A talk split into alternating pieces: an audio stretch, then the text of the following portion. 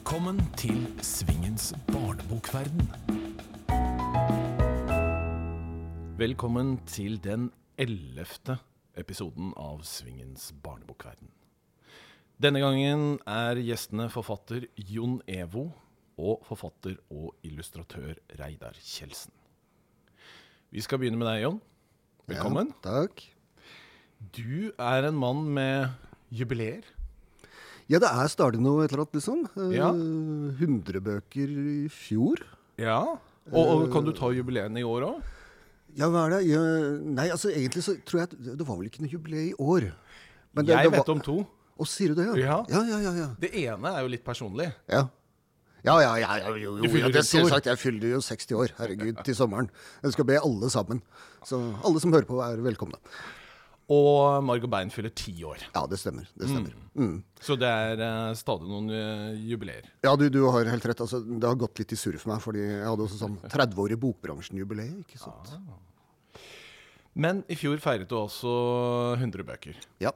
Og hvis du skal begynne med idrettsspørsmålet Hvordan føltes det å ha skrevet 100 bøker? Ja, det var helt sinnssykt merkelig. Eh, Det er jo liksom ikke det du starter karrieren din med å si at eh, Og forresten så har jeg tenkt å skrive 100 bøker i løpet av eh, 20-30 år, liksom.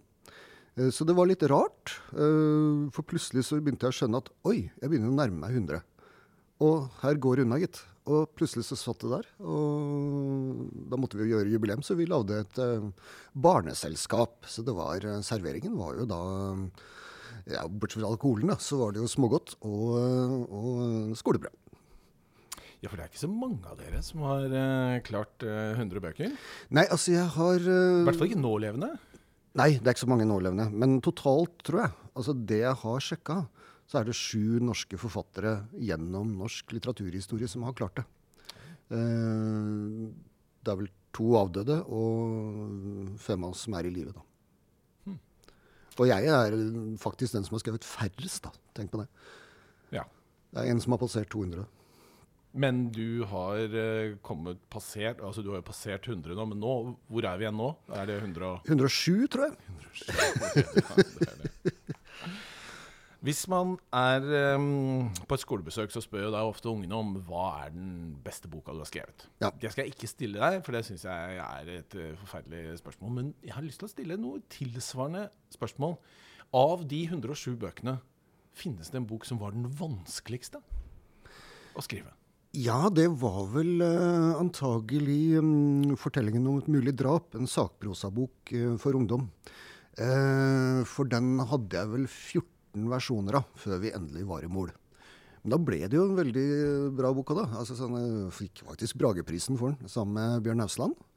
Eh, og det handler da om Norges mest obskure middelalderkonge, eh, Håkon 3. Sverreson. Og jeg gjorde alle de gale ting du kan gjøre med, med sakprosa. Altså sånn, jeg tenkte etter hvert at dette blir en sånn derre lakmustest på hvor mye tåler sjangeren før den bryter sammen, og den tåler veldig mye. Men 14 versjoner, sier du. Ja. Har du et slags gjennomsnitt på hvor mange eh, versjoner du har av hver bok? Før du 35, 35 ja, ligger der. med smått og stort. Og de 14 versjonene inkluderer jo også sånn type språkvask òg, ikke sant. Eh, Sånne ting. Men eh, det var en del store revisjoner også. Men du er en forfatter som har god oversikt over bl.a. hvor mange bøker du har skrevet. Jeg får jo også det eh, spørsmålet, jeg, jeg har ingen anelse. Jeg går ikke og regner på det. Men jeg vet at det ikke er 100 i hvert fall. Nei, nei, nei. nei. Men har du da også en oversikt over hva som er den største kommersielle suksessen? Ja, altså det er jo pussig nok eh, Den korteste boka jeg noensinne har skrevet, er den også den største kommersielle suksessen, da. Eh, jeg og Bjørn Ausland lagde en løveunge som het Monster. Eh, den har gått i 10 000 X, eh, som jo er sånn sinnssykt mye for meg, liksom. For jeg pleier ikke å selge noe spesielt mye. Og den Ja, så teksten er vel kanskje sånn tre kvart side totalt, liksom. Fordi det er jo, det er jo en sånn én setning per oppslag. Så det var jo Hvis jeg tar hardt i, så jobba jeg kanskje ti timer med den. Og da er det jo litt deilig at den har solgt i 10 000. For en gangs skyld god timebetaling. For en gangs skyld god timebetaling. Men blir du da fristet til å lage Monster 2? Nei, men vi har lagd en bok, eh, tilsvarende bok som heter Bø. Uh, og den kom i høst. Uh, som var så, Der veit jeg jo ikke salgstallene ennå, da. Men, uh, om vi har klart å få det til på samme måte, det spørs vel. Det er jo aldri mulig å, å hoppe ned i samme elva to ganger. Siden vi er inne på dette med uh, at du har skrevet en god del bøker, så passer det veldig godt å ta dagens første gjestespørsmål. For vi har nemlig uh. gjestespørsmål i uh, Svingens barnebokverden. Og dette spørsmålet kommer fra forfatter Magnhild Bruheim. Ja. Hun skriver Du har nesten norgesrekord i tall på barne- og ungdomsbøker.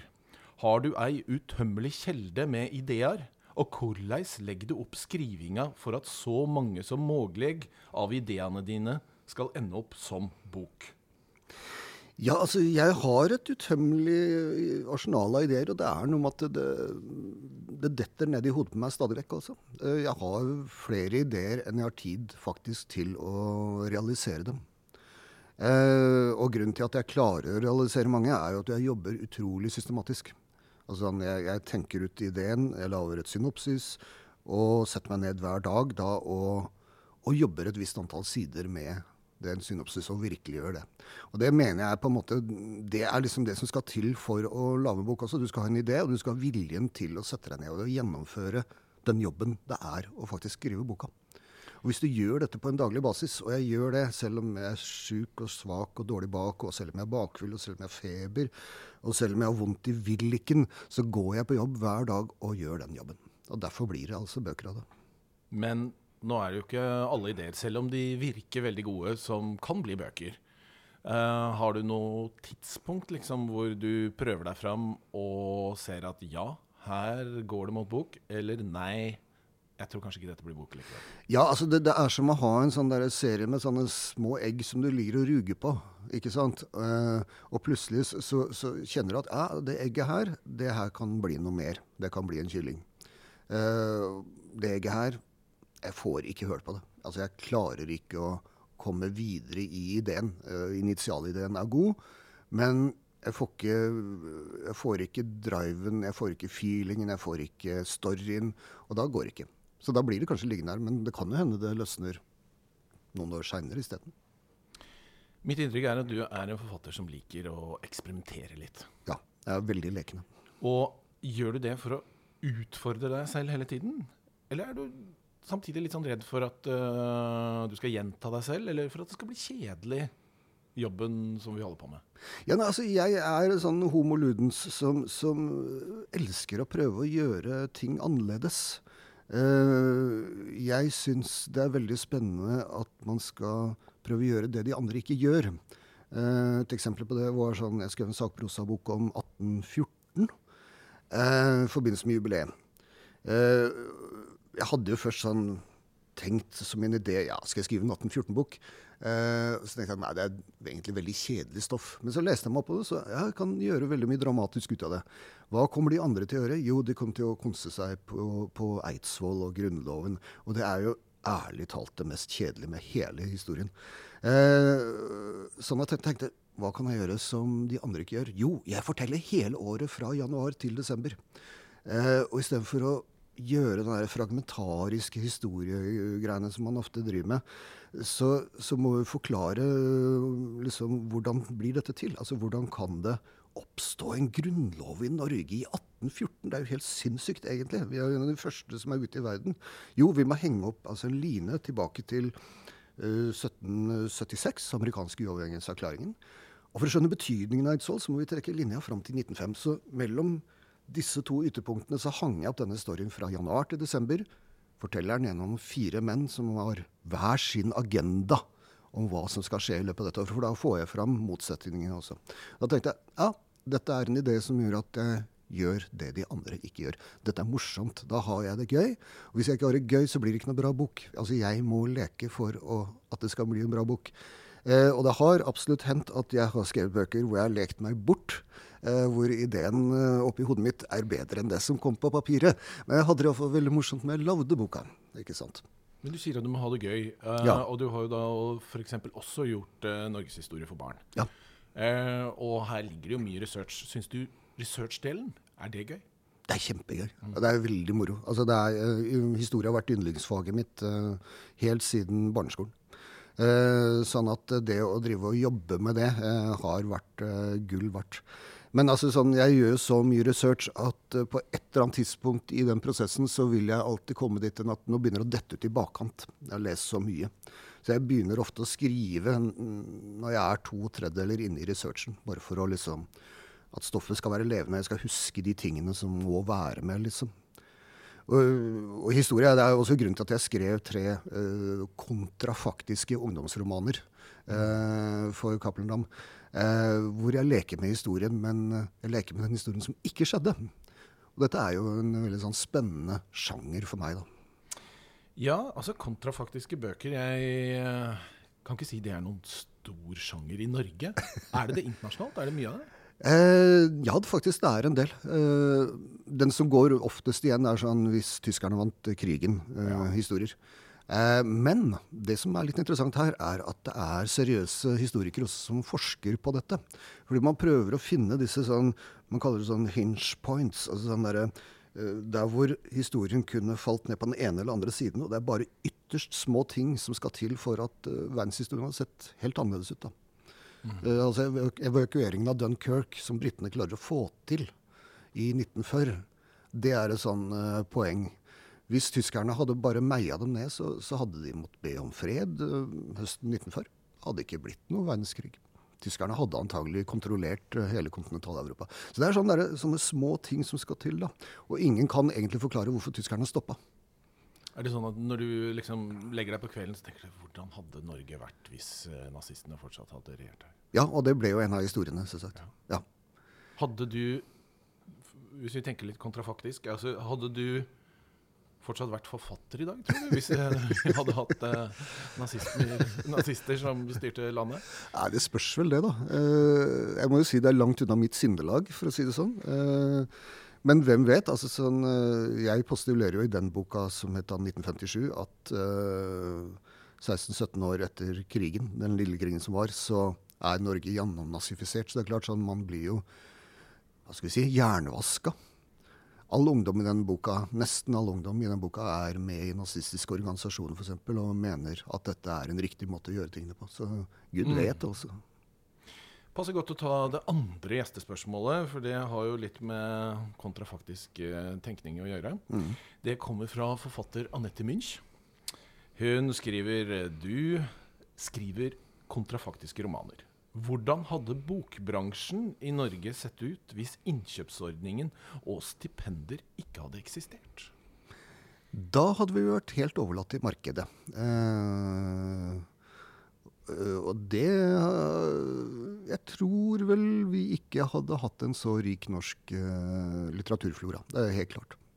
Eh, det har vært skumla mye om at innkjøpsordningen ble skapt for å hjelpe norske forlag økonomisk. Men det hadde også den effekten at det kom mange flere forfatterskap på banen enn de som kunne ha kommet til ellers.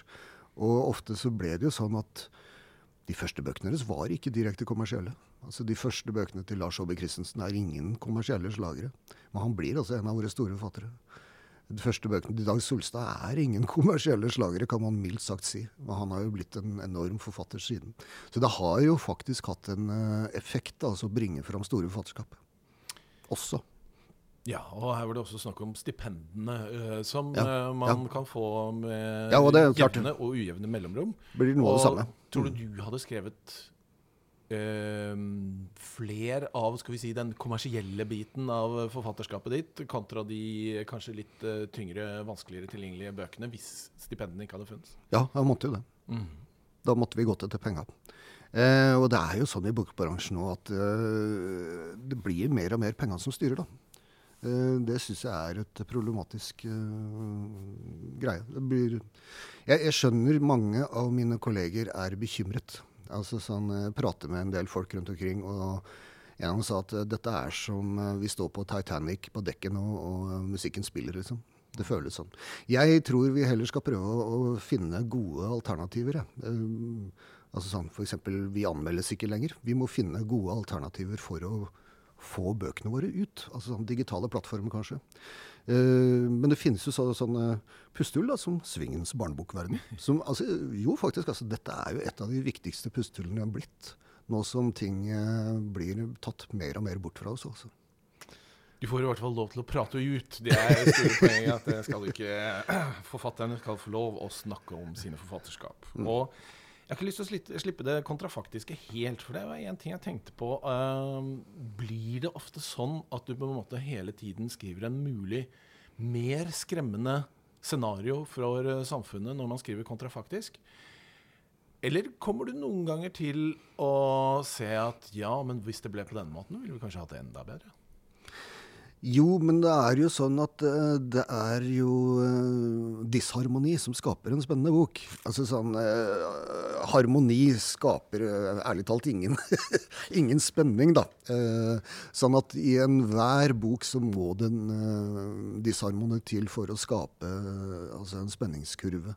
Man ser det til og med i sånn, den mest kanskje hva skal vi si, idylliske bok vi kan tenke oss, altså Vi på Salkeråkan, der er det også disharmonier, men man har glemt det litt. Altså der Reven er på jakt etter høne, Malin blir kanskje giftet bort, altså sånn farber farbror Melk detter i vannet hele tiden. Altså Det er jo ting der også. Det er båttyver, ikke sant.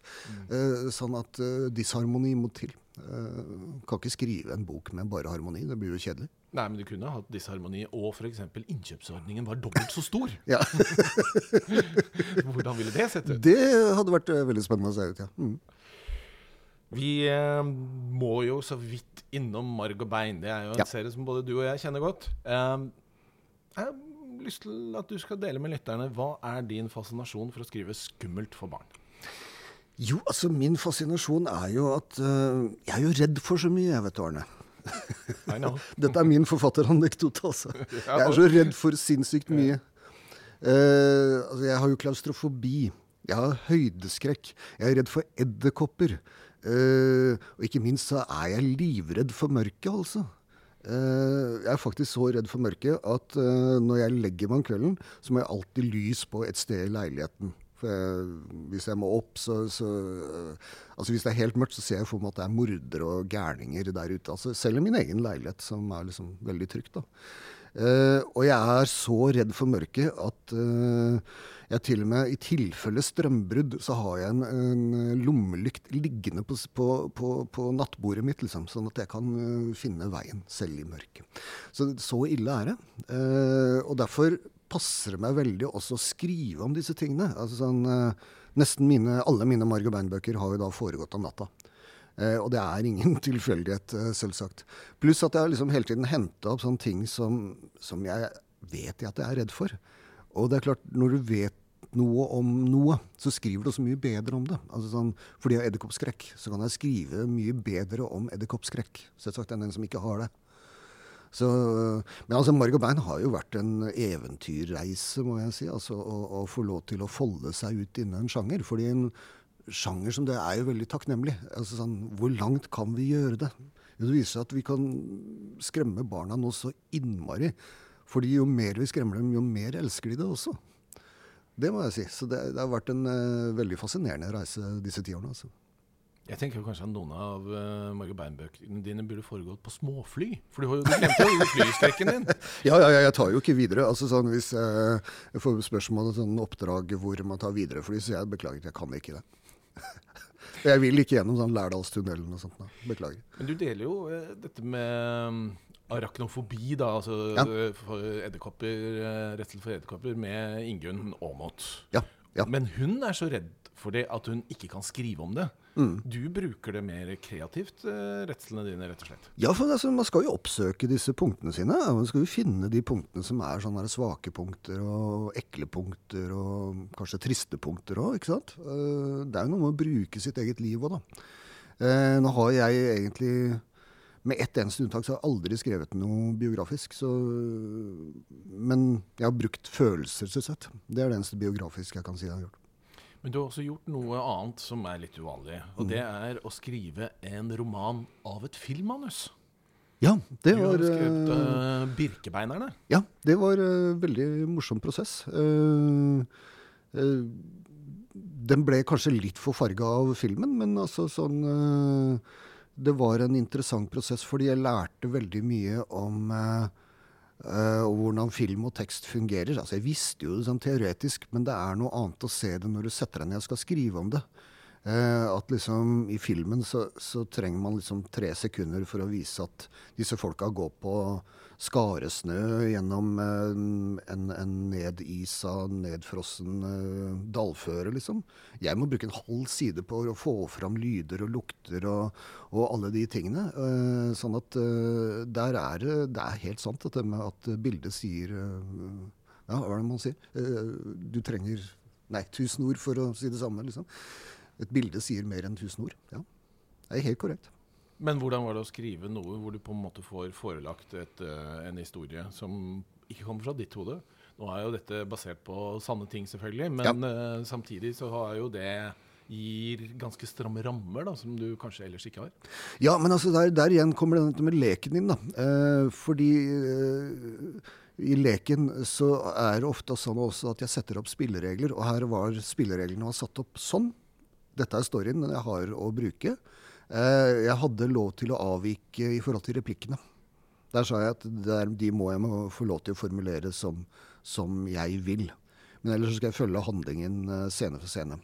Og jeg hadde også lov til å avvike der det var kryssklipping, for det funker veldig dårlig i tekst. ikke sant? Altså, Når du hurtig klipper to scener, så, så funker det på film. Men uh, å klippe to tekstbiter sånn, bare noen setninger her mellom, det, det, det funker ikke. Uh, så der hadde jeg den lille friheten, men ellers måtte jeg følge storyen. Men jeg, jeg så på det sånn Dette er den, sånn den leken ser ut. Uh, dette er sånn de spillereglene ser ut.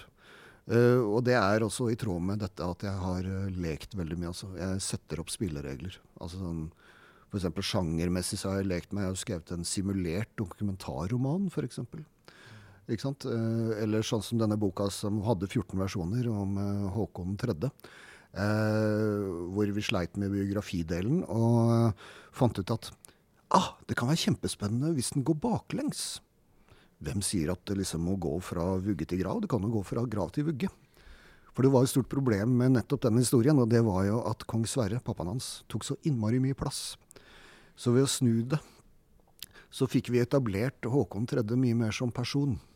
Eh, og pappa dukker først opp i slutten av biografien, når vi begynner å nærme oss hans eh, fødsel. Så fant jeg ut at det fungerer egentlig veldig bra. Jeg ble inspirert av en Seinfeld-episode jeg så en gang der, som, hvor altså, handlingen går baklengs.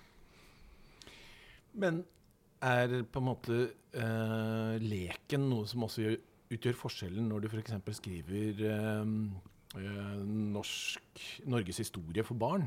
I forhold til skulle, om du skulle skrive det samme for voksne. Er det, er det en av de store forskjellene på det å skrive historiebøker for barn?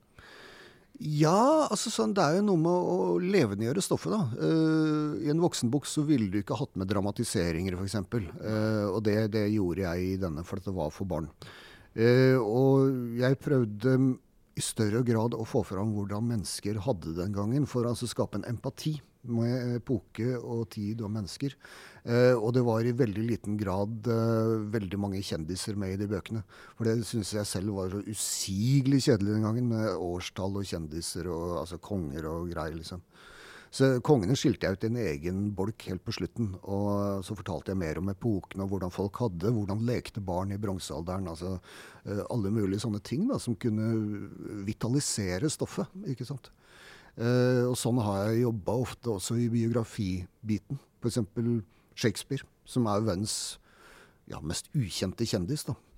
Vi vet jo nesten ingenting om Shakespeare, uh, så jeg fant ut at de må prøve å gjenskape hvordan en mann som Shakespeare kan ha levd. Hva spiste han til frokost? Hva spiste han til middag? Hvordan så det ut inn i klesskapet til William Shakespeare? Hvis vi så for oss lille William på markedet i Stratford, hvilke godterier kunne han spist? Altså Han tar jo uhorvelig lang tid å researche fram, men det får fram en person. Det får fram i hvert fall omrisset av William Shakespeare. Som, sånn blir han litt mer kjent. Han burde skrevet mer selvbiografisk. Hadde gjort det enklere for oss. Ja, han burde, burde gjort det. Du har skrevet barnebøker siden 1993. Mm. Har du inntrykk av at de eldre bøkene fortsatt blir lest, eller forsvinner de litt ut av systemet? Ja, altså sånn, jeg hadde, jeg hadde en telefon altså fra en fan uh, i forrige uke som ville ha meg til å fortelle om en bok som jeg skrev i 1995. Og sa jeg beklager, jeg, det er 20 år siden jeg skrev jeg husker ikke hva den handler om. beklager. Så den lista med spørsmål jeg har her, på hvor du skal gjenfortelle alle bøkene dine på 90-tallet, det går ikke? det altså. Det kan være litt vanskelig. Det, da dropper jeg det. Ja. Men du kan si, altså Otto Monster lever jo i høyeste grad. 20-årsjubileum i fjor. og de trykkes i stadig nye opplag. Så. Det skal vi komme tilbake til, men nå er vi da i 2017. Hva kan vi vente fra Jon Evo i år? Eh, jeg satser på at det blir en ungdomsroman. Eh, en eh, beinhard dystopi. Og i tillegg så jeg, er jeg i gang med å skrive en biografi for et et konkurrerende forlag enn dette vi sitter i nå. Eh, men der kan jeg ikke si så mye mer om det, eh, for da må jeg faktisk drepe deg etterpå. Og det vil jo være trist. Og ikke bare meg, men alle lytterne våre òg. Ja, søren, det er litt vanskelig. Ja. ja. Mm. Da dropper vi det, da. Mm. Ja. Nå skal vi eh, få inn den andre gjesten, for vi har alltid da to gjester i dette programmet. Og det er Reidar Kjeldsen som kommer inn her i studio. Hei, Reidar. Hei, Arne. Hyggelig at du kunne komme. Hyggelig å bli invitert. Ja, Vi skal få deg til å sitte litt nærmere mikrofonen, sånn at du høres uh, interessant og sympatisk ut. Mm. Mm. Dere to har samarbeida mye. ja, det har vi. Jeg tror Reidar har oversikten. Hvor mange bøker, men uh... Har du oversikten? Jeg trodde det alltid var Jon jeg, som hadde tall på alt. Men har du oversikten? Som, hvor mange bøker vi har lagd sammen? Ja. Uh, det er jo vanskelig å vite hvor mange Otto Monster-bøker det er også, faktisk. Fordi de fins i litt forskjellige samleutgaver og sånn. Men det er vel 16 av de, og så er det fem Guggen-bøker. Og så er det to Leonardo-bøker og to bøker om raglebein og skrømt. Ja, det var det. Det blir 9 eh, pluss 16. 25. Ja. Men det neste spørsmålet er jo da hvorfor så mange bøker sammen? Ja, jeg syns Reidar er veldig morsom strek. Han var jo perfekt. Uh, det, altså, vi sleit uh, vel, jeg og, og, redaktøren på Cappelen uh, Nei, det var Dam den gangen, faktisk. med å vite hvem i all verden i Norge er det som kan tegne monstre. Vi satt med manus til den første Åtte monster. Og så dukker opp et navn, altså. Det var nok skjebnen, det der. Fordi jeg hadde en mappe full av monsterillustrasjoner. Mm -hmm. Og min største drøm var å jobbe med å, å tegne, male monstre. Ja. og eh, jeg hadde jo fått beskjed på kunst- og håndverksskolen at eh, det ikke var så veldig sannsynlig. Men så gikk jeg rundt med den mappa her, da, og når jeg kom til Cappelen Dam, så Dam? Ja, det var Dam, den gangen, vet du. da het det bare Dam, da. Det var en fin tid. Nei, det er ikke lov å si. Eh, jo, og da fikk jeg jobben mens han bladde i mappa mi, rett og slett. Har du lyst til å illustrere monsterbok? Mm. Det var nesten litt krise, for det var tre uker til de skulle trykke boka. Så. Eh. Ja, og det, sånn, det, skjedde vel uka etter jeg hadde levert ferdig manus, så vi ante ikke. Uh, jeg tror de vurderte om de skulle gå til Danmark og Sverige og finne noen. For det var ingen i Norge som man kjente, som drev med det. Jeg, jeg, var på riktig sted til riktig tid, tror jeg, akkurat ja. da, men uh, Det skal man men, jo være. Men, det er viktig, ja. det. Mm. Men det hadde nok blitt uh, samarbeid mellom oss uansett, tror jeg. For ja, ja. vi er uh, vi, tenk, vi, har jo litt sånn felles uh, greier oppi huet. Ja, Reidar leker måte. jo enda mer enn meg, da. det må sies. Ja. Men Reidar, hva, hva, hvis du skal putte fingeren på det, hva er det du liker, eventuelt ikke liker, da, men med Jon sine historier? Det er jo at de er, de som jeg har jobba med, da, vilt crazy. Og de åpner for å, for å male store overdrivelser og ting som ikke fins. Det er det, det, morsomste jeg vet. da. Hmm. Å jobbe med fantasien til det ekstreme. Ja, for altså, Jeg var jo veldig inspirert av Roald Dahl da jeg skrev uh, bøkene. Eh, spesielt Georgs magiske medisin. Uh, for jeg hadde skrevet et annet uh, manus først, som redaktøren sa nei, jeg tror bare blås i deg, ikke ha noen bikkjer og sånt med deg i, i, i, hovedrollen, det er kjedelig. Du må finne på noe annet. Så tenkte jeg sånn, ja, bestemora til Georg i Georgs magiske medisin, hun er jo skikkelig monster. Og så tenkte jeg ah, monster, ja. Det kunne være kult. Hvis vi snur hele verden på hodet. en bakvendt verden, liksom. Hvor det som er vakkert, er pent Nei, vakkert er stygt, osv. Uh, da har vi det, vet du. Så da ble den storyen til, da. Uh, tufta litt på Roald Dahls uh, galskap.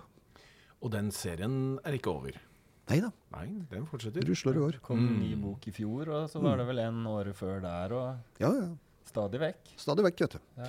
Men dere som da både har turnert sammen og jobbet sammen så lenge og kjent hverandre nå siden uh, Forrige årtusen. Ja. Forrige årtusen, ja. Jeg skal utfordre dere til å beskrive hverandre med ett ord. Gæren. Jeg trodde du skulle si irriterende. uh, skal beskrive deg med ett ord. Um, allsidig, kanskje? Å, det var pent sagt, da. Gæren og allsidig, her har vi dem. Men dere har eh, turnert en del sammen, og det går litt gjetord om det. Kan dere fortelle litt? Hva, hva gjør dere da? Nei, altså, jeg er den normale, og Reidar er den gale, da. Eh, og det er veldig sånn fin. Ja, ja, og allsidige. Eh, så det er veldig fin sånn rollefordeling der, tror jeg. Og så mm, I tillegg så har jeg jo ofte posta en del på Facebook som har bygget opp den legenden om uh, Reidar Kjeldsen. Eh, men eh, Reidar, eh, han gjør det uventede. Reidar har eh, han er vel den jeg kjenner som har det sterkeste grepet på et publikum, og kan bare ta, ta en ting som blir sagt der ute i salen, og gjøre noe ut av det. Og det syns jeg er helt utrolig. Så det er sånn, selv om vi har gjort disse tingene altså sånn hundrevis av ganger, så er det fremdeles like moro å se Reidar in action. Da bare koser jeg meg. Um, Jon pleier å si det veldig ofte når vi kommer på en skole. Ikke gi den mannen kaffe. Ja. Han blir jo hyper. Han er jo hyper. Eh, Men hvis han får kaffe, er det da du får de tatoveringene på hodet? Det har vel også skjedd, ja. Eller var det også tegnet med kaviar? Kan det eh, stemme? Det var forrige jubileum. Ja. Jeg har, eh, jeg har tegna Otto Monster med kaviar på hodet til Jon, og så spist det Mm. etterpå. Rett fra hodet. Ja. Det var koselig. Det Spist som eller slikket av? Var, Jeg slikket. Ja, slikket hodet hans har det gjort. Ja. Og den som vil se det, så kan ligger det klippet på YouTube, faktisk. Hvis du søker på Otto Monster på YouTube, så er Ja. det vel første som kommer opp. Jeg tror det. Mest populære, med andre ord. Ja, ja, det er spilt uhorvelig mye. Men når det gjelder Otto Monster-tegningene, så har jeg skjønt at uh, du, Reidar, ofte legger inn noen sånne små detaljer som uh, ikke er sånn åpenbare for alle. Ja. Uh, fortell litt om det. Um, ja, det er jo en ting som jeg ikke sa i sted, som gjør at det er veldig gøy å jobbe med Jon. Det er at jeg kan gjøre hva jeg vil og ta meg friheter uten at han setter på bremser. Da. Um, og jeg pleier å gjemme meg selv og Jon i bøkene. En liten Reidar Kjeldsen og en liten Jon Evo kan man finne hvis man eh, er flink til å lete. Det er jo gjerne ikke de voksne, heldigvis. da. For hvis de hadde vært flinke til det, så hadde de funnet uh, Reidar Kjeldsen som står og pisser, eller uh, Jon Evo som står der uh, naken med støvler og pisk, liksom, og skal denge en grandtante. Sånn er det. Sånn er det. Men ungene finner det. Ungene finner det. Mm. Og liker det. Og, og eh, jeg liker også å misforstå det som står i teksten, da. Og dra det i uventa retninger. Men det gjør jeg på detaljnivå, så det forstyrrer ikke liksom, hovedforløpet, da. Men hva er det som gjør at uh, Otto Monster har fått et så langt liv, og f.eks. Guggen ikke har fått det? Kanskje fordi det er en mer anarkistisk uh, fortelling, altså. Som faller mer i barns uh, smak, tror jeg. Uh, og den er anti-autoritær, da. Altså sånn, Otto har jo en veldig skremmende pappa, men når han blir sint nok, så kan han gå opp til pappa og si 'du er en promp, pappa'. Og det, er, og det er en sånn Det var en villet sånn anti-autoritær greie der som jeg syns var litt viktig å få fram. Altså sånn Barn skal få lov til å være barn, liksom. Mm. Jeg har um, utfordret dere på én ting. Det er et spørsmål til hverandre. Og jeg syns uh, du skal få begynne, Reidar. Tusen takk. Eh, jeg tør ikke å spørre deg hvem som er favorittillustratøren din. Nei, ikke gjør det. I tilfelle ikke jeg er meg. Så derfor uh, skal jeg heller spørre om noe jeg har lurt på lenge, og det er eh, Hvis Gud og politiet stilte opp på døra di i morgen og sa at de har fulgt med på deg eh, lenge, og at de liker deg. Derfor så skal du i overmorgen få lov å gjøre tre ting som ikke er lov. Og du kommer ikke til å bli straffa for det. Det kan være hva som helst. Hva, hva vil du gjøre når det skjer? Kjære all verden.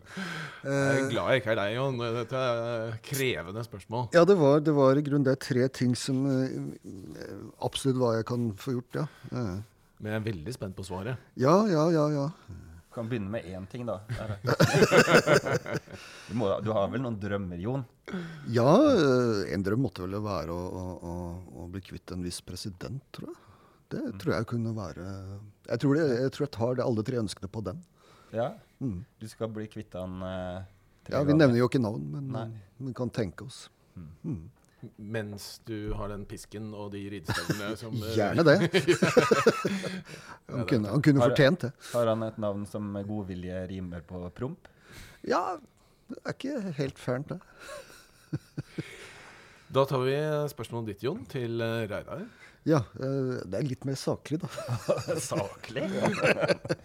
Ja, altså jeg tenkte sånn, Du, du har jo holdt på i denne bransjen i noen og 20 år, Reidar. Du har gjort veldig mye forskjellige ting. Illustrert for veldig mange folk. Men er det en eller annen sånn drømmejobb som du skulle ønske du kunne ha fått? liksom? Sånn, som gjerne en av lytterne nå kunne sånn ringe deg etterpå og si Reidar, du, jeg hørte at du hadde lyst til å har, det hadde jo vært å jobbe med animasjonsfilm på en eller annen måte, da. ah, Akkurat. At uh, noen hadde laget animasjonsfilm av uh, en av bøkene mine, eller at jeg fikk være med på å skape figurer som skulle brukes eh, i en animasjonsfilm. Men har du noe greie på animasjon, da? Jeg har lagd litt animasjon da jeg var liten. Ekstremt uh, amatørmessig eh, Ja, ja, ja, eh, ting. Ja, Men uh, ja, jeg vil jo si jeg har uh, peiling. Jeg, jeg samler på animasjonsfilmer, og jeg, jeg vet jo hvordan eh, man gjør det. Ja. Men ikke sånn computeranimasjon. eh, der kan eh, jeg jo ikke det tekniske, da. Men drøm, drømmen hadde vært eh, Ja, la, la oss si uh, Otto Monster, da. Så kunne vi hatt den drømmen sammen. At noen uh, lagde dokkefilm av uh, Otto Monster. Mm. Mm. Og ikke prøvde å, å lage den som en snill utgave. Nei. Det er selvfølgelig en Selvsagt. betingelse for at eh, drømmen skal gå i oppfyllelse. Bør være den samme autorit- autoritære sprø greiene, ja. Ja. Mm. Jon, Jep. nå eh, skal vi si eh, farvel til deg. Veldig hyggelig at du, du kom, for Ja. nå skal vi bare konsentrere oss om uh, Reidar. Så Nemlig. takk for at du kom. ja, takk for at jeg fikk komme. Reidar, Ja. du, vi skal litt tilbake til dette med å turnere på skoler. Ja. Og grunnen til det er jo at eh, jeg har en mistanke om at du kanskje kan være den forfatteren som har turnert mest på norske skoler de siste 15 årene. Jeg har en mistanke om at det kanskje kan stemme. Har du noen anelse om hvor mange forestillinger du har hatt? Jeg har eh, passert 4000. 4000? Ja. Og det blir jo en del skoler, da? Det blir en del skoler. Det er ikke så mange skoler i Norge jeg ikke har vært på. Nei? Det er ikke så mange lærerom jeg ikke har vært på heller, så jeg vil si jeg har litt, eh, litt sånn peiling på hvordan, hvordan det er der ute. Hvordan det er å være lærer? Ja. Du får høre både de gode og de mindre gode sidene ved yrket. Ja, Ja. Men hvorfor turnerer du så mye? Uh, det er det hovedsakelig fordi jeg elsker det. Uh, jeg, jeg elsker å tulle og tøyse og improvisere og, og at ting skjer i øyeblikket. At eh, Jeg lager jo monstre som barna får bestemme hvordan skal se ut, blant annet. Eh, jeg har to forskjellige forestillinger nå. da. Jeg har det, den ene som jeg har gjort veldig mange ganger, og så har jeg en ny en som er uh, for de minste. Som er litt løsere og, og mer uh, improvisert, da. Be inneholder begge dette kjente monsterbrølet ditt? Um, av, det er, er ikke hver gang lenger. Er det ikke det? Nei. Jeg har, eh, har hatt en del uh, ville tings, innslag opp gjennom årene som har eh, blitt bytta ut. da. Ja, for noen ganger har du tatt med klassen til andre klasser for at de skal Det- brøle til dem og sånn. Er det Ja, slutt på den, det? den ble bytta ut. Ja. Jeg pleide å Nå skal vi skremme en annen klasse, liksom. Og bare reive opp en tilfeldig dør, og så brølte så høyt vi kunne. Og så var det en gang vi var på en skole der det var, det var tydeligvis friminutt, så vi kunne ikke gjøre det med en annen klasse. Så da improviserte jeg, så dro vi på rektors kontor. og reiv opp døra, og ja, jeg fikk høre det av en annen forfatter som var der eh, året etterpå, at han hadde nesten strøket med. Er det sånn at vi kan få høre dette monsterbrølet? Jeg mener eh, Ikke sånn direkte inn i mikrofonen, men kanskje litt sånn ut i rommet. Ja, Sånn hvis eh, Jeg mener, nå bør jo alle som hører på, være litt sånn klare med volumknappen. ja. Ja, det er sånn eh, OK, litt avstand, og så Ja. kan jeg for Ut eksempel der. eh, Ja. Det, nå sprengte du faktisk eh, måleren på apparatene her, men jeg tror det går, skal gå bra. Oi, nå ser jeg stjerner. Folk kommer løpende ut i Jeg- jeg gangene tok- rundt her. Og, Jeg tok et sånn brøl for et par uker siden på en skole. Så kom uh, lærerinna fra naboklasserommet med hele klassen inn til oss, da. Um, og da hadde jeg gjort dette her i en sånn sammenheng med at uh, man skulle overraske pappa, da. Så når hun kom inn, så sa jeg Du er ikke pappaen min. Nei, men hvis ikke du passer deg, så blir jeg mammaen din, sa hun. ja, det var kanskje ikke så morsomt, men eh, ja, for du har, du har vært hos rektor og sånne ting på på, samtaler jeg måtte etterpå? på rektors kontor en gang etter en forestilling. Men det var på Sørlandet, da. Men jeg må jo si det at eh, det er ikke Det er jo ikke så eh, grusomt, det jeg gjør. Egentlig. Ikke eh, det- Jeg er Ingen av ungene tar skade av deg, eventuelt Nei. noen av lærerne. Jeg tror jeg fremstår som en sympatisk person, men det går an å si etterpå at han forfatteren var gal. Det er sånn skal ikke vi oppføre oss. Men det er jo godt for oss andre da, at vi har en uh, vill og gal forfatter som uh, reiser rundt og gjør reklame for å lese bøker. Jeg syns Ja. det er veldig, veldig bra. Jeg uh, klarer ikke å være like gal som deg på skolebesøk, men uh, har alltid et mål om å bli litt grann villere. Ja. Og da har jeg deg som på en måte nummer én, som den aller galeste jeg har vært borti. Så det er Tusen takk. ja, bare hyggelig. Men eh, på den litt seriøse siden så er det klart at eh, eh, du gjør ikke dette gratis. Du får jo betalt for det. Er det en viktig del av på en måte forfatter-, illustratørøkonomien din? Det er jo det jeg lever av. Mm. Det er jo en annen grunn til at jeg gjør det så mye. At det er der jeg har eh, inntekten min. Mm. Jeg tjener jo eh, penger på å illustrere og skrive også, men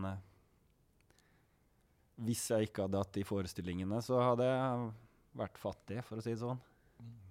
Ja. Det passer godt å ta et par uh, gjestespørsmål til deg nå. ja. Um, det første kommer eh, fra forfatter eh, Anette Münch. Mm. Hun lurer på akkurat noe rundt uh, forfatterbesøkene. Hun spør finnes det noen grenser for ordbruk og hva du kan si til elever på et forfatterbesøk. Ja. Utrolig nok så har jeg grenser eh, for eh, meg selv. Eh, det kan være Jeg har ikke lyst til å fremstille alkohol eller røyking som kult, f.eks. Det kan jo bli litt vanskelig når, når jeg, vi er inne i det monsteret og alt er lov, og elevene kan foreslå hva de vil. Så det, hender det at noen foreslår Ja, han må røyke! Og da passer det jo ikke jeg for meg å si nei, det er eh, en dårlig idé og sånn. Så sier jeg ja! Han skal røyke! Alle dere har vel tenkt å begynt, begynne å røyke en dag, sier jeg. «Øh, nei, jo da, det har dere. Og når dere skal begynne å røyke, så har jeg et godt forslag. Det er at dere putter røyken et sted der det lukter vondt fra før. Og så tegner jeg monstre som stapper røyken inn eh, der bak, da. Og eh, lager røykeringer med rumpa. Det er, det er en, eh, et eh, eksempel på hva jeg ikke kan gjøre. Og så et annet eksempel er at jeg vil ikke drite ut folk. Jeg, har, eh, jeg tar opp elever fra klassen og har litt sånn her der F.eks. At de er dame og jeg skal dumpe de. Setting. Med masse humoristiske detaljer.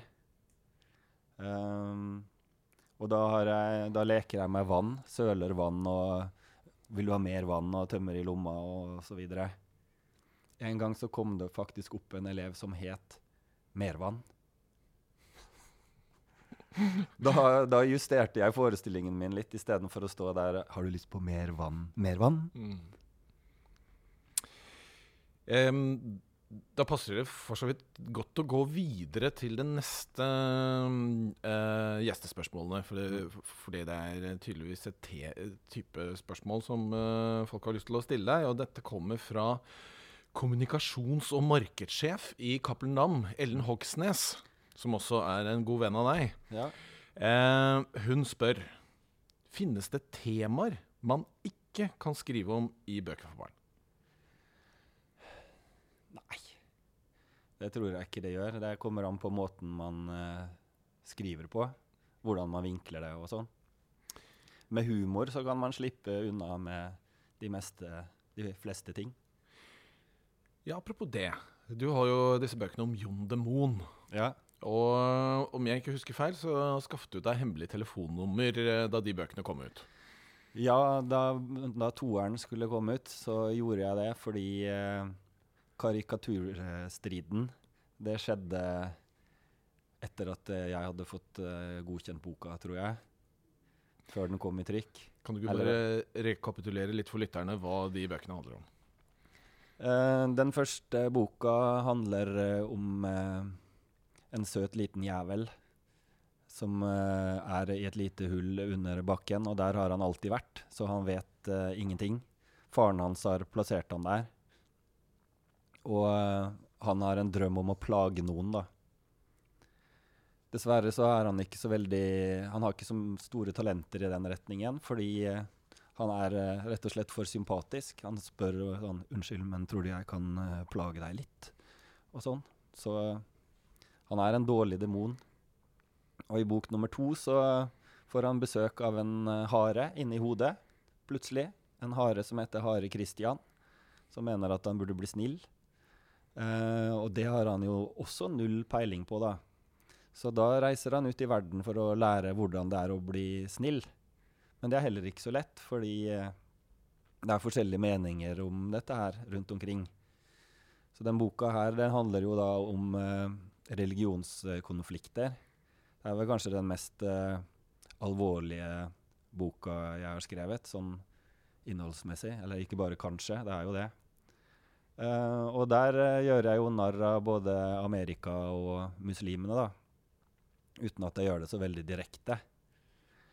Uh, ja, så jeg blei litt sånn nervøs når jeg så resultatet av hva som skjedde med de som hadde gjort narr av Mohammed og sånn. Det gjør ikke jeg i boka, da, men ja. Jeg fikk meg hemmelig telefonnummer for sikkerhets skyld. Fikk du noen reaksjoner på boka? Eh, nei, ikke fra det holdet der. Er det noen Egentlig. andre mm, bøker som du har fått noen særlige reaksjoner på fra Det Vi snakker er jo om de voksne, da. Ja, det er jo Jon eh, Demon-bøkene, også En travel herre, som er min eh, versjon av skapelseshistorien. Mm. Uh, de har det hendt noen ganger at uh, skoler etter at de har invitert meg, ringer og sier det at eh, Du, vi oppdaga noen bøker her som uh, vi ikke visste om. Eh, En skole gikk så langt som å si at de der der, de vil vi ikke at du skal snakke om på vår skole. Da var jo jeg litt frista til å si, etter at jeg hadde vist de andre bøkene, at uh, ja, jeg har et par bøker til, men de har lærerne sagt at jeg ikke får lov til å snakke om. Så Det tror jeg kanskje jeg ville gjort. Ja. Mhm. Jeg, jeg, er- gjo- det gjorde jo- ikke det. Det er jo gull å ha noe som er forbudt, for det elsker jo alle barn og ungdom. Det er jo det jeg spiller på både i forestillingene og alle bøkene mine, at det, det er eh, det der som ikke er lov. Og når eh, gutta spesielt da sitter der og har den følelsen av at eh, den boka der, var, ja, den hadde ikke mamma likt at jeg hadde lest. Det, det er liksom den perfekte motivasjonen for Jeg har tenkt at en alle, gutt. da. Alle biblioteker burde ha et eget hjørne eller en eget eh, skap hvor det står for, forbudte bøker. Hvor, Ja. nøkkelen, hvor alle vet hvor, hvilken skuff nøkkelen ligger i. Ja, De bøkene er kommer til å forsvinne med en gang. Det der kom faktisk opp som et forslag eh, i en sånn eh, debatt mellom bibliotekarer. Etter at eh, Bertil eh, bestemmer selv kom ut. Ja, Den ble jo også litt eh, han, han var litt uheldig. uh, Det ble makulert et opplag og noe greier. ble det makulert et opplag? Fortell. Um, jo Um, Fordi altså, Bert, Bertil bestemmer selv. Det er Ja. en som er litt uheldig med en kniv. Ja, han eh, låner kniven til faren sin. Han får egentlig ikke lov til det. For pappa sier at det ikke er lov. Um, pappa sier at når du får skjegg, så, så kan du få lov. Hvorpå da junior eh, greier å trøkke ut eh, et solid skjegg, da. Og da må jo pappa gi han kniven. Um, det går uh, litt galt. Ikke så galt som det kunne ha gått. Uh, og resultatet var da at uh, den ikke passa i den uh, løveungeserien til Cappelen Nei, for han kapper av seg en finger. ikke Ja, det er to Ja, fingre to som ramler av. da. Det var jo det jeg sa, sier pappa. Ja. Og setter på plaster og, Ja. og barberer gutten sin, da. Um, ja. Nei, det, det som var greia, var at den blei for drøy til å være i en sånn serie, fordi det kunne påvirke andre bøker. Så da ble den heller gitt ut som en egen bok. Uh, sånn, ja, sånn at eh, vi ikke ødela for noen andre, da. Resultatet var jo at uh, den boka solgte veldig lite. Det var, det var en advarsel på boka også. Det var en betingelse for at den skulle bli gitt ut. Jeg fikk lov til å utforme advarselen selv. Denne boka inneholder scener som ikke egner seg for noen. Ja. Ja. Men det er en fin reklame, det. Det, det kunne ja. godt uh, vært inni det skapet på biblioteket der, føler jeg. Det hadde vært en uh, populær Ja. bok der. Ja. Men spørsmålet er litt mer personlig art. For du har jo da mm, eh, fått ett barn, og nå, eh, hvilket sekund som helst, så får du nummer to. ja. Eh, har det forandret din eh, skriving eller tenking om eh, barnelitteratur på noen måte? Eh, Det har jo forandra hverdagen min litt. Det skjønner jeg. kan man si. Jeg pleide å sove til klokka halv tolv før jeg ble pappa. Og brukte den energien jeg hadde på eh, å ha det moro eller uh, lage barnebøker. Så eh, jeg tror kanskje jeg har blitt eh, litt voksen, faktisk. Det hadde jeg aldri trodd skulle skje. Men altså, nå er det jo en stund siden Bertil bestemmer selv. Den kom i 2013. Ja, Uh, Det er jo litt på grunn av dette her, da. Det er, Jeg har, jobber jo hjemmefra, og det, i, det har ikke vært så lett. der er det kaos og blir enda mer kaos framover. Ja. Men uh, jeg har uh, en ny bok som kommer til høsten. Du har det. Vil du si at den representerer noe helt annerledes i forhold til det du har skrevet, og illustrert tidligere? Nei, jeg vil eh, egentlig si tvert imot. At det er en veldig typisk Reidar Kjeldsen-bok. Er det den som heter Rumpetroll? Den heter 'Rumpetroll'. Mhm. Og det er ikke sånn små, ikke- søte, slimete froskebarn. I, forhold, I forhold til de rumpetrollene som jeg skriver om, så, mm -hmm. så er de det. Fordi rumpetrollene jeg skriver om, de spiser jenter. Ja, for du er ikke redd for en liten provokasjon. Du liker ordspill. Du liker jo litt uh, promp og rumper og sånne ting òg. Ja, Ja. jeg gjør jo det. Du har jo eh, Tissemus. Er det en slags oppfølger til den? Nei. Ja, det er tissemus. Det er jo for de som ikke er interessert i bæsj, da. Ja. Så den handler om tiss. Ja. ja. For, fordi æsj handler om uh, bæsj. Ja. Den- Og så kom ja. ku uten hode imellom der for å liksom Ja, en liten pause. men, men det handler jo ikke egentlig bare om tiss og bæsj, da. Altså det er jo Den æsj er jo en sånn parodi på en oppdragelsesbok. Det er jo litt eh, for å vise hvordan det er for et stakkars barn å skal liksom gjøre alt riktig, da. Det er ikke så lett. Det må være rom for litt eh, moro. For eh, du liker Du må ha humor i alt du, du gjør. Ellers så blir det vanskelig. Ellers så får jeg ikke det helt til, Nei. tror jeg. Jeg skulle ønske Det er en sånn drøm jeg, som jeg har, som jeg vet Som jeg tror aldri jeg kommer til å få til, er å skrive en bok som folk sitter og gråter og av. Liksom sånn der eh, at de er rørt, liksom. Men alt du illustrerer, er jo ikke humor. Du og jeg har jo faktisk gjort en bok sammen som Ja. ikke var humor. Lenge Ja, siden, den- riktignok, men den ja. var eh, jo en sånn skummel eh, Mhm. bok. Den eh, dødsmyra. Men Ja. tror du du har blitt plassert i en sjanger hvor du ofte får Hvis du får oppdrag for andre, så Ja, er det humor. Eh, Det forlaget forventer fra deg, har sterk, sterkt element av humor. Ja. Nå skulle jeg være litt seriøs her, for det tror jeg faktisk at jeg har blitt putta veldig i bås. Jeg har veldig lyst til å illustrere noe som er helt annerledes fra det jeg har gjort før. Jeg tror jeg trenger det, egentlig. For at det skal skje nye ting. Altså, jeg har jo gjort eh, veldig forskjellige ting sånn stilmessig. Bare i bøkene til Jon Evo så har jeg, så har jeg gjort det. Leonardo-bøkene, eksempel, er jo helt annerledes enn Otto Monster. Så ehm, Det er godt å høre, Reidar. Så da vet vi at Reidar Kjeldsen er åpen for nye oppdrag Ja. innenfor uh, den virkelige, seriøse, tunge barnelitteraturen. Reidar, du har også med deg en liten anekdote. ja. Jeg har jo en del å velge fra når jeg er på skolebesøk, da. Så jeg har lyst til å ta en uh, liten en fra, fra min uh, nye forestilling Æsj. Som er litt mer improvisert, og da, da kan alt skje. Jeg drev og skrøyt for eh, barna i eh, Det var vel andre klasse. Jeg skrøyt eh, om alle dyrene som jeg har spist. Det er imponerende mange, jeg skal ikke ta det her. Hvorpå da en gutt på første rekker opp hånda og sier «Eh, Det finnes noen folk som datt ned i, med et fly, og så spiste de vennene sine. Oi, sa jeg. Hva kaller man en som spiser vennene sine? Og så var det ei jente litt lenger bak som rakk opp hånda, da, og jeg eh, tenkte nå, nå får vi høre at det er jo en kannibal. Men eh, nei, det er ikke det man kaller en sånn en. Det hun sa, var doven og lat. da holdt jeg på å le meg i hjel inni meg, men jeg greide å holde maska og, og, og gå videre uten å gjøre narr av svaret. Det var helt, et fantastisk svar, syns jeg. Kanskje det dukker opp i en bok? Det, det kan fort eh, hende. Mm. det har jo allerede dukket opp eh, på hjemmesiden min. Jeg har en ny hjemmeside nå. Svinepelsen.no. Med blogg.